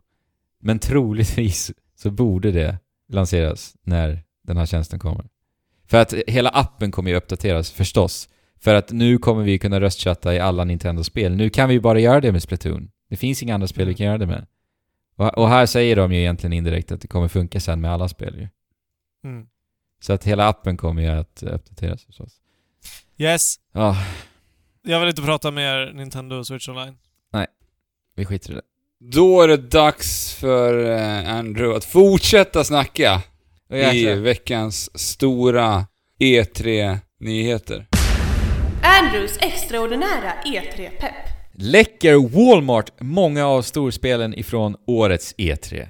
Det har listat spel som Gears of War 5, ett nytt Splinter Cell, Rage 2, Just Cause 4, Borderlands 3, Forza Horizon 5 med mera. Har ni några kommentarer? Rage 2 vart ju utannonserat idag. Ja. Så det verkar ju som att det här, ja, eh, på något sätt stämmer det här va? Ja. Ja. Jo, troligen. Frågan är, får Walmart någon känga här? För att det är uppenbarligen så att de har fått in produkter som de kommer att sälja i framtiden och sen så har de lagt upp det utan att fått grönt ljus eller något. Eller- Eller, så är det ett PR-trick. Och Walmart får aning. betalt för det här kanske. Och, ja, precis. ja. För det är lite kul just det är. Det är lite kul just med Rage, för att de har ju typ utnyttjat den här situationen. De har ju ah. bytt eh, profilbild och, och tweetat om det här på Twitter och allt vad det är va? Och, och liksom Ja, okej. teasat genom det. Ja, men det är smart. Och sen idag avtäcktes spelet. Och då är det intressant så här. hade spelet avtäckts idag 14 maj om det här inte hade hänt? Eller hade vi hållit oss till E3? Ja. Eller närmare E3 i alla fall. Det är ju smart, det är ju smart av dem att eh, dra innan hela liksom E3-kaskaden kommer. ja. Men det är också väldigt märkligt med tanke på att Bethesda har egen presskonferens också. Att man liksom Ja. bränner av en titel redan innan presskonferensen. Det är lite märkligt Ja. tycker jag. Och jag har för mig att jag har läst att deras presskonferens kommer vara den längsta de har haft i år också. Så att, ja, vi får se. Mm. Eh, Det har också bekräftats att det är Avalanche Studios, svenskarna, och id Software som utvecklare. Det passar ju Ooh. bra med tanke på att Avalanche gjorde Mad Max-spelet och Ja. Rage går ju väldigt Ja. mycket i samma anda som just Rage. Men vänta, vilka utvecklade första Rage? id, Mm. Det var id. yes. Jag spelade aldrig det. Jag hade det, men min skiva gick sönder så att jag spelade Aha, Vadå? jag, Fabian går hem ifrån skolan med en nyköpt skiva, trillar, skivan går sönder, får aldrig spela det, eller hur hette det här? Det var en sån där jobbig grej. Hade Xbox-kväll eh, i stugan. Hade Alltså, du precis köpt spelet också? Hade köpt spelet. ehm, skulle precis liksom spela det. Men eftersom att tog med massa spel så låg det på golvet. En av mina kompisar trampar på det och skivan får spricka i sig. nej. Och då hade du lagt dina pengar på det? Ja, nej, jag köpte det ganska billigt. Så Okej. att, alltså, det var inte... Ja. Det var inte hela världen. Mm. Men eh, tråkig situation ändå. Jag har inte heller spelat det. Inte jag heller. Nej. Men efter nu att Avalanche, nej, id har gjort Doom så blir jag väldigt sugen. Ja, Vad det här kan bli. spelsekvenser dyker upp imorgon när vi spelar in det här. Eh, Så det ska bli kul att se. Så att det går. Mm. Igår ja. Eller ja, Så ni kanske Sista. sitter och tittar på trailer till eh, Rage 2 när ni lyssnar på det här kanske till och med? Ja. kanske. Var det något mer angående Walmart? För att vi kom rätt mycket in på Rage istället. Galet mycket läckor bara. eh. Nu. Alltså jag, bara idag läste jag också att det ryktas om att Retro Studios nästa spel är ett Star Fox racingspel. Ah. Och det har flera också bekräftat eh, där Ah, ute i ryktesvärlden. Och det ska tydligen heta Star Fox Grand Prix och det finns logos och allting. Så jäkla generiskt. Ah, fy fan vad tråkigt om det är så. Generiskt namn. Starcraft Grand. Prix. Men... Eh, Starcraft. Star Fox. Star Fox, inte Starcraft. Starcraft Grand Prix skulle jag vilja se. Det hade varit Ja. något helt annat alltså. Men det ska tydligen vara något Diddy Kong, enligt en annan i ryktet då, Diddy Kong Racing. Diddy Kong Racing-aktigt. Ja, med bossar och hubbvärld Ah, okej. och allt vad det är. Och det, gameplay ska vara F-Zero-eskt tydligen. Alltså, Så att jag- okej, ja, eller det hur? kanske låter lite intressant. Jag tycker det också faktiskt. Vi vet ju att Retro Studios håller på med fler än ett spel, så att det här kanske bara är något, ja, vi får se. Eh, Sonys eh, E3-planer har dykt upp också. Eh, de kommer att, fokusera på fyra spel. Och det är ju då Death Stranding, Ghost of Tsushima, The Last of Us Part 2 och Spider-Man. Tunga titlar Yes. allihopa. Och Det är det. Många trodde ju här när, när den här infon kom ut att det inte skulle vara någon presskonferens till och med, för de har ju aldrig varit så här specifika eh, på förhand. De har ju bara Nej. sagt eh, välkomna till presskonferensen. Så vi får se. De, de verkar gå en liten annorlunda väg i år, Sony. Eh, och det är så här. Vi förväntar oss ingenting nytt från dem. Eller oväntat. Jag skulle inte riktigt. tro det. Eller? Inte från dem i alla fall. Säkert tredjeparts överraskning kanske. Men jag skulle inte tro att vi får något, någon överraskning från alltså Nej. Sony Worldwide Studios. Det tror jag inte. Det kommer vara de här fyra spelen. Bloodborne 2. Ja men det är ju Det tredje, här året. ja, men det är ju tredjeparts, så att det kan ju... Jo, det är det ju. Jo, men ja. Ja. Precis. Ah, ja, oj oj oj. Ja, Mycket E3 händer nu. Oj, vad sa jag där? mycket E3 här. Jo, men det går ju. Ja det går ju. Just det, det går ju. Ja. Jag börjar bli lite torr i halsen känner jag. Yes. Och torr i hjärnan. Ja. Ibland. En månad kvar! Till E3. Jajebox. Ja. Ja, men då så. Det blev ett avsnitt den här veckan också. Hur ofta säger vi det? att det blev en avsnitt den här veckan också. ja. Och grejen är, nu kan vi inte säga det för förra veckan blev det inget avsnitt. Nej, just det. Nej. Det funkar ju inte det. Så då säger vi, men Den vad kul att... blev Då, det. då säger vi så här istället. Vad kul att det blev ett avsnitt den här veckan. Ja. Ja. Eller hur? Ja. Så jäkla Eh, kul alltså. Oss kan ni såklart som, och som vanligt nå på trekraften.net. Yes. Och eh, där kan ni klicka via till kontakt ifall ni vill eh, skälla på oss, ifall ni vill skicka kärleksmeddelanden till Fabian, eller ifall ni vill skicka en bild på era spelsamlingar till Andrew, eller, eller skicka tips till mig om hur jag ska ta hand om min trädgård. Ja, eller om ni vill eh, staka Andrew och få reda på hans adress så att ni kan skicka ett exemplar av Vilket spel var det nu på hans födelsedag? Eh, det var ju Monster Hunter. Monster Hunter. Eller lika med dig om de vill ge dig ett Rage som ligger hemma och dammar också. För du, ditt Rage gick ju sönder då. Ja. Ja, eller något sånt. Mm. Ja, punkt, Alltså, punkt. Möjligheten finns. Ja, möjligheten finns där. Annars är vi, är vi mest aktiva på Instagram, där heter vi Trekraften podd och länk finns ju såklart på hemsidan och allting. En sak är viktigt att säga bara. När det händer saker som det hände förra veckan, det vill säga att vi var tvungna att ställa in ett avsnitt, sådana saker får ni reda på på sociala medier, som till exempel Instagram. Ja, eh, vi måste trycka lite på våran kära Discord-kanal som bara växer hela tiden och det är en supertrevlig kanal. Den hittar ni länkad i beskrivningen och vi ser gärna att ni ansluter och snackar med oss och alla andra trevliga användare som vi har där. Skulle du säga att Trekraften Discord är Tre... trevlig? Ja, absolut. Det är det verkligen. Okej, vi återfinns också såklart på m3.se där alla våra avsnitt dyker upp och när ni väl är där så kan ni också titta på alla andra nyheter om spel eller prylar eller vad det nu kan vara. Kanske ni kan läsa om nästa HoloLens där när det väl kommer upp nyheter om den. Precis. Så med det, Ja, tack för det här avsnittet. tack själv. Tack själv. Jag menar, ja, tack för att ni har lyssnat menar jag mer, men Ja, men jag tackar dig. yes, tack. Tack tillbaka till er. Ja. Sådär då. Med det Ja. så säger vi Yes. spela på Ja. och Yes. chip! Tjola! Hopp!